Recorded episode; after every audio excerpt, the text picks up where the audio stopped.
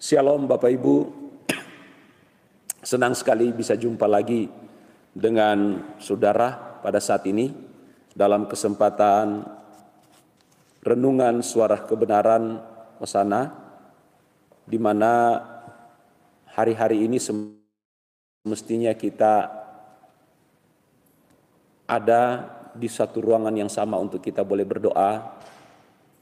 Bagaimana kita memperingati pencurahan Roh Kudus 2000 tahun yang lalu atas murid-murid.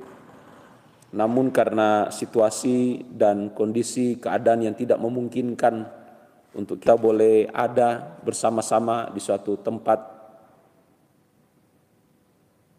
Namun saya percaya bahwa di mana pun kita berada, di situ Tuhan sanggup lawati kita. Amin, puji Tuhan. Bapak Ibu melanjutkan kebenaran firman Tuhan pada kesempatan kemarin di mana saya berbicara tentang Roh Kudus sebagai penolong. Hendaknya ketika kita membaca bahwa Roh Kudus sebagai penolong, maka janganlah kita membangun kebenaran atas dasar kebutuhan kita pribadi lepas pribadi tetapi ada baiknya kita selalu belajar melihat kebenaran dari apa yang dikatakan oleh Alkitab, apa yang dikatakan oleh Yesus sendiri di dalam setiap firman atau kebenaran yang telah Dia ajarkan atau sampaikan.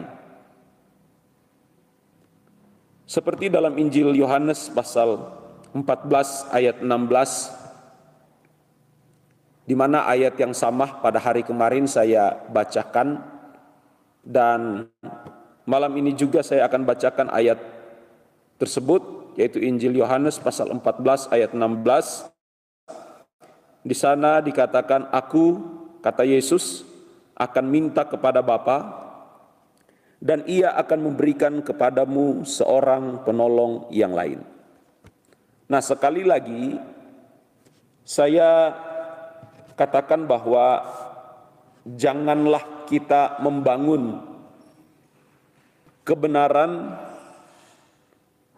atas dasar pribadi atau keperluan kita masing-masing. Sebab kalau kita membangun kebenaran atas dasar keperluan pribadi lepas pribadi maka sudah otomatis itu tidak sesuai dengan kebenaran yang murni seperti yang diajarkan oleh Tuhan Yesus. Maka dari itu kita harus belajar memahami kebenaran dari perspektifnya Tuhan. Nah, dalam hal ini kita akan berbicara tentang Roh Kudus sebagai penolong menolong seperti apa atau pertolongan seperti apa yang dikerjakan oleh Roh Kudus. Nah, ini yang perlu Bapak Ibu, Saudara dan saya pahami secara benar. Sebab tidak sedikit orang Kristen memahami bahwa pertolongan yang dikerjakan oleh Roh Kudus adalah pertolongan yang menyangkut keperluan, kebutuhan jasmani. Sehingga tidak sedikit pula ketika doa sepuluh malam diadakan. Ada begitu banyak jemaat yang datang hanya untuk supaya keperluan, kebutuhan, persoalan mereka mendapatkan jalan keluar oleh karena pertolongan Roh Kudus. Ini yang sering kali terjadi. Nah, Bapak Ibu, jemaat yang dikasihi Tuhan, hendaknya kita melihat kebenaran seperti apa pertolongan atau seperti apa cara kerja Roh Kudus untuk menolong kita. Menolong dalam hal apa? Pertolongan seperti apa yang dikerjakan Roh Kudus atas kita hari-hari ini? Nah, untuk memahami hal ini, maka kita harus melihat di dalam Injil Yohanes pasal 16 ayatnya yang ke-8 saya bacakan Injil Yohanes pasal 16 ayat 8 dan kalau ia datang ia di sini maksudnya adalah Roh Kudus.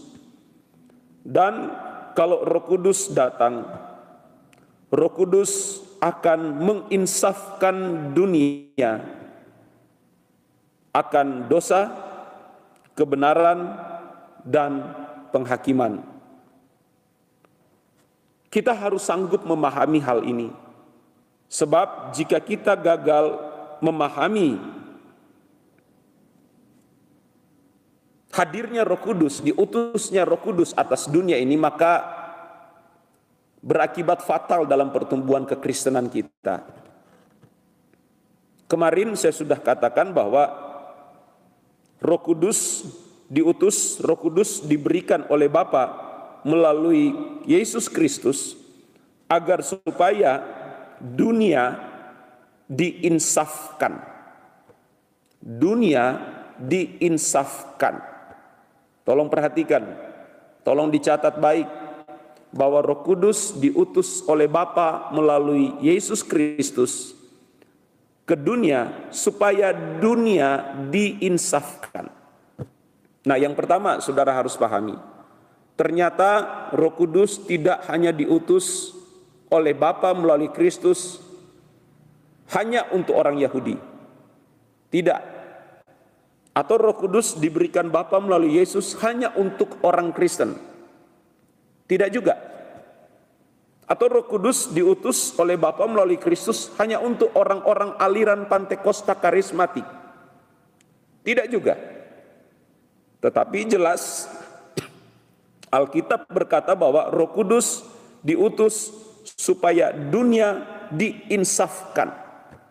Jadi Roh Kudus diutus untuk dunia, untuk seluruh umat, untuk seluruh manusia, siapa pun mereka. Entah bagaimana cara Roh Kudus menginsafkan mereka. Artinya mereka yang bukan orang Kristen. Itu kita tidak tahu cara kerja Roh Kudus seperti apa. Tapi yang pasti jika Alkitab sudah mencatat bahwa Roh Kudus diutus untuk menginsafkan dunia, maka Roh Kudus sanggup dan mampu melakukan segala perkara yang mustahil bagi kita, namun bagi Tuhan tidak ada perkara yang mustahil. Bangun dulu pemahaman ini, bangun dulu pengertian ini, bangun dulu kebenaran ini dalam kehidupan kita. Agar supaya kita bisa memahami hal-hal yang berikut yang Alkitab catat dalam Injil Yohanes pasal 16 yang akan kita bahas malam hari ini. Kalau kemarin saya sudah berkat, berbicara tentang bagaimana Roh Kudus diutus untuk menginsafkan dunia akan dosa. Apa itu dosa? Dosa adalah segala sesuatu yang kita kerjakan yang tidak tepat atau tidak sesuai dengan apa yang diajarkan Yesus, maka dosa itu namanya. Nah, dalam konteks ini kemarin ayatnya yang ke-9 dikatakan akan dosa karena mereka tetap tidak percaya kepadaku. Jadi Roh Kudus diutus agar supaya dunia diinsafkan akan dosa, dosa terhadap apa? Kalau dari ayat ini dosa terhadap ketidakpercayaan banyak orang bahwa Yesus Kristus adalah Mesias. Konteks ayat ini kepada orang-orang Israel Bagaimana dengan gereja hari-hari ini? Nah, Bapak Ibu sama halnya. Roh Kudus diutus diutus untuk menginsafkan. Kata menginsafkan ini juga perlu kita mengerti jika bercermin dari kamus besar bahasa Indonesia, insaf artinya sadar benar, sadar secara benar. Insaf artinya mengerti secara benar. Dan berikut insaf adalah yakin secara benar. Jadi Bapak Ibu jemaat yang diberkati Tuhan, pada ayat 9 kemarin kita sudah bahas bahwa tujuan Roh Kudus diberikan adalah yang pertama untuk menginsafkan, menyadarkan orang-orang yang tidak menerima atau menolak kemesiasan dari Yesus itu sendiri menolak bahwa Yesus Kristus adalah Tuhan dan Juru Selamat. Nah, di sini Roh Kudus akan bekerja menolong setiap kita yang mau atau rindu untuk mau mengenal bahwa Yesus Kristus adalah benar-benar Tuhan dan Juru Selamat. Di sini Roh Kudus akan memberikan kita pengertian, memberikan kita penyingkapan rahasia-rahasia firman. Nah, malam hari ini kita akan lanjut pada ayatnya yang ke-10 Bapak Ibu. Namun saya akan bacakan sekali lagi ayatnya yang ke-8 untuk supaya kita memahami secara tepat Roh Kudus menolong pertolongan seperti apa menolong seperti apa yang dikerjakan Roh Kudus dalam kehidupan kita. Ayat 8 dan kalau Roh Kudus datang Roh Kudus akan menginsafkan dunia akan kebenaran ayatnya yang ke-10. Jadi yang kedua pada saat ini saya mau menyampaikan bahwa pertolongan yang diberikan oleh Roh Kudus kepada dunia, kepada Bapak, Ibu, Saudara dan saya adalah Roh Kudus menyadarkan kita secara benar, meyakinkan kita secara benar, membuat kita mengerti secara benar bahwa ada kebenaran yang perlu kita perhatikan. Nah, ayat 10 di sini dikatakan akan kebenaran. Kebenaran yang seperti apa? Nah, ini yang perlu kita tahu Bapak Ibu, kebenaran yang seperti apa? Sebab kalau kita hanya berbicara kebenaran, kita nggak tahu kebenaran yang bagaimana ini yang dimaksud.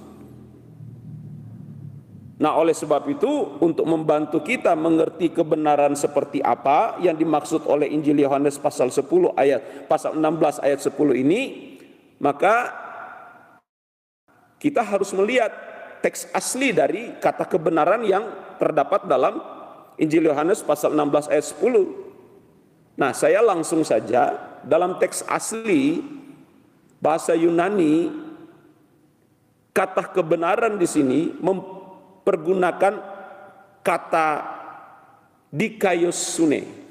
Dikaiosune. Nah, ini kebenaran model apa ini? Ini kan yang perlu kita pahami. Kata kebenaran di sini menggunakan kata dikaiosune jadi kebenaran di sini menyangkut tentang integritas seseorang, tentang karakter seseorang. Nah, ini yang hendak dikerjakan oleh Roh Kudus dalam kehidupan kita. Kalau berbicara tentang integritas, berbicara tentang karakter, maka itu menyangkut dengan sikap hidup kita di hadapan Bapa baik dalam pikiran, dalam perkataan, dan dalam perbuatan. Harus sesuai dengan apa yang diajarkan oleh Yesus dalam kebenaran firman Tuhan. Harus sesuai, persis, harus sama, tidak boleh tidak sama. Harus sama. Karena Alkitab katakan jika kita mengaku bahwa Yesus Kristus adalah Bapa, adalah Tuhan, maka wajib hukumnya kita harus hidup sama seperti Yesus hidup. Jika tidak, maka saya mau katakan kita menolak karya Roh Kudus dalam kehidupan kita. Kita mendukakan Roh Kudus dalam kehidupan kita. Nah, dosa mendukakan Roh Kudus ini hati-hati Alkitab sudah ingatkan kita bahwa tidak ada pengampunan dalam hal tersebut. Karena kita jelas-jelas menolak untuk Roh Kudus memulihkan keadaan kita. Sekarang mari kita renungkan. Apa dan bagaimana karakter yang tertanam dalam kehidupan kita hari ini? Apakah karakter sebagai anak-anak Tuhan? Apakah kita berkarakter sebagai hamba-hamba Tuhan yang benar-benar mencerminkan karakter Kristus? Atau sebaliknya, kita memiliki karakternya dunia, karakternya si jahat. Nah, inilah, di sinilah Bapak Ibu, kita sesungguhnya manusia tidak mampu, tidak mampu dengan kekuatan kita, dengan hari-hari yang jahat yang kita hidupi hari-hari ini, seolah-olah membawa kita jauh dari Tuhan. Bapak Ibu, jika kita tidak mengandalkan Roh Kudus dalam hal ini, dalam pembentukan karakter kita, maka sampai kapan pun kita tidak akan mampu mengubah karakter kita. Nah, kalau kita terbuka hati, kita undang Roh Kudus masuk dalam hidup kita. Kita berkata, Roh Kudus, tolong aku. Roh Kudus bantu saya. Roh Kudus tolong saya untuk supaya saya bisa memiliki karakter seperti karakter Tuhanku, Yesusku, Rajaku. Nah di sinilah Roh Kudus akan bekerja sama dengan kita. Nah tidak salah apa yang dikatakan oleh Rasul Paulus dalam Roma pasal 8 ayat 28. Allah turut bekerja dalam segala sesuatu untuk mendatangkan kebaikan dalam hidup kita. Artinya ketika kita buka hati, kita izinkan Roh Kudus masuk, Roh Kudus berkarya, Roh Kudus memimpin menuntun kita untuk mengerti dan melakukan kebenaran firman Tuhan. Dalam segala sesuatu apa pun yang terjadi dalam hidup kita, baik suka maupun duka, di situlah Allah bekerja untuk mendatangkan kebaikan dalam setiap kehidupan kita. Bapak Ibu, betapa penting kebenaran ini dalam setiap kehidupan kita hari-hari ini. Agar supaya kita memiliki karakter seperti yang dimiliki oleh Tuhan kita, Yesus Kristus. Dan ini tidak bisa ditawar-tawar. Tidak bisa ditawar-tawar. Jadi sekali lagi, kalau roh kudus itu datang, dia akan menyadarkan kita sesadar-sadarnya, dia akan membuat kita mengerti secara benar, Roh Kudus akan membuat kita yakin secara benar bahwa kita harus memiliki karakternya Kristus dalam kehidupan kita. Jika kita lanjut lagi ayatnya yang ke-10 pada kalimat-kalimat yang berikut dikatakan karena aku pergi kepada Bapa. Nah, apa kaitannya karakter dengan pernyataan Yesus, aku pergi kepada Bapa? Oh, ini sangat sangat sangat berkaitan dan sangat satu hal yang sangat penting untuk kita pahami. Artinya gini Bapak Ibu. Yesus katakan aku pergi kepada Bapa. Untuk apa dia pergi kepada Bapa? Untuk menyediakan tempat. Dan jika tempat itu sudah selesai, Yesus katakan, "Aku akan datang kembali untuk menjemput, untuk membawa engkau ke tempat di mana aku berada." Nah, persoalannya kita tidak mungkin bisa ada di tempat di mana Yesus berada jikalau kita tidak memiliki karakternya Kristus. Mana bisa kita bejat, mana bisa kita jahat, Mana bisa kita selama kita di bumi berkelakuan yang tidak menyenangkan hati Tuhan dan bermimpi masuk surga? Kan nggak mungkin. Tidak mungkin Bapak Ibu. Jadi mari kita berjuang hari ini. Kita berjuang hari ini. Roh Kudus sudah diberikan, Roh Kudus sudah dicurahkan dalam hidup kita. Dia berdiam dalam hidup kita. Tinggal bagaimana kita mau buka hati dan mau bekerja sama dengan roh Allah yang ada dalam kehidupan kita. Dalam hal ini untuk supaya kita diubahkan menjadi milik Kristus. Kita diubahkan untuk memiliki hidup yang baru. Barang siapa yang ada di dalam Kristus, ia adalah ciptaan baru. Yang lama sudah berlalu dan sesungguhnya yang baru itu sudah datang. Jadi Bapak Ibu mari kita pikir, pikir-pikir hari ini. Apakah saya sudah memiliki karakter yang berkenan di hadapan Tuhan? memiliki integritas seperti yang diinginkan oleh Tuhan dalam pikiran, dalam perkataan dan dalam tingkah laku harus mencerminkan perilaku atau sikap hidupnya Kristus dalam setiap kehidupan kita. Saya mengajak kita hari ini Bapak Ibu, saudara yang menyaksikan, saudara yang mengikuti renungan suara kebenaran Hosana dalam rangka kita memperingati pencurahan Roh Kudus. Apakah benar saudara memiliki Roh Kudus dalam hidupmu?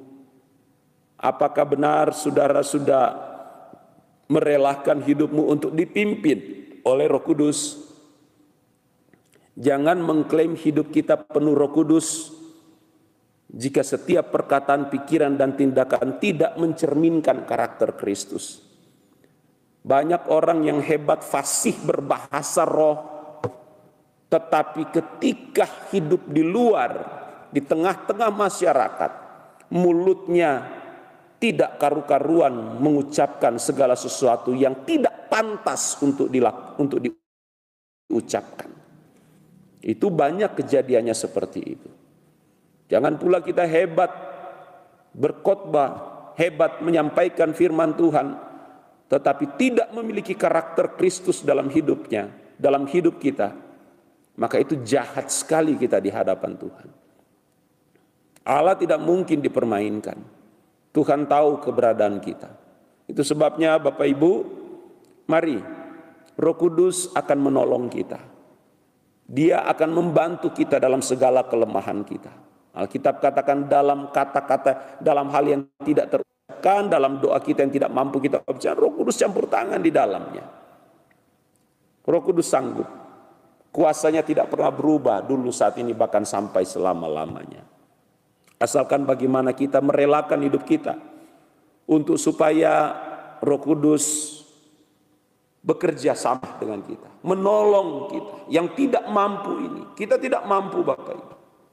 Tanpa kita berserah sungguh kepada Tuhan, kita tidak mungkin sanggup memulihkan keadaan hidup kita yang rusak ini. Dan pemulihan kehidupan ini tidak hanya berlangsung sekali, dua kali, tiga kali. Tapi selama kita hidup di dunia ini. Izinkan roh kudus menolong saudara Izinkan roh kudus membantu saudara. Buka hatimu.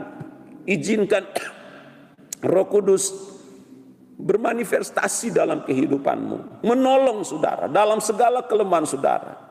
Jika saudara sungguh-sungguh rindu untuk memiliki karakter Kristus dalam hidupmu, maka Roh Kudus akan memampukan saudara dan saya untuk bisa memiliki karakter Kristus dalam hidup kita. Jadi Bapak Ibu yang diberkati Tuhan pada saat ini, pada kesempatan yang indah ini, di mana kita memperingati bagaimana roh kudus dicurahkan. Dan sejak itu gereja bertumbuh begitu hebat, begitu luar biasa. Sampai pada akhirnya kita boleh disempurnakan. Mari Bapak Ibu, kita berjuang. Kita sungguh-sungguh untuk mematikan segala perbuatan daging yang tidak berkenan di hadapan Tuhan. Di saat kelemahan kita kita ungkap, kita akui di hadapan Tuhan dan kita mau relakan hidup kita dibentuk, maka di situ Tuhan akan campur tangan dalam segala perkara.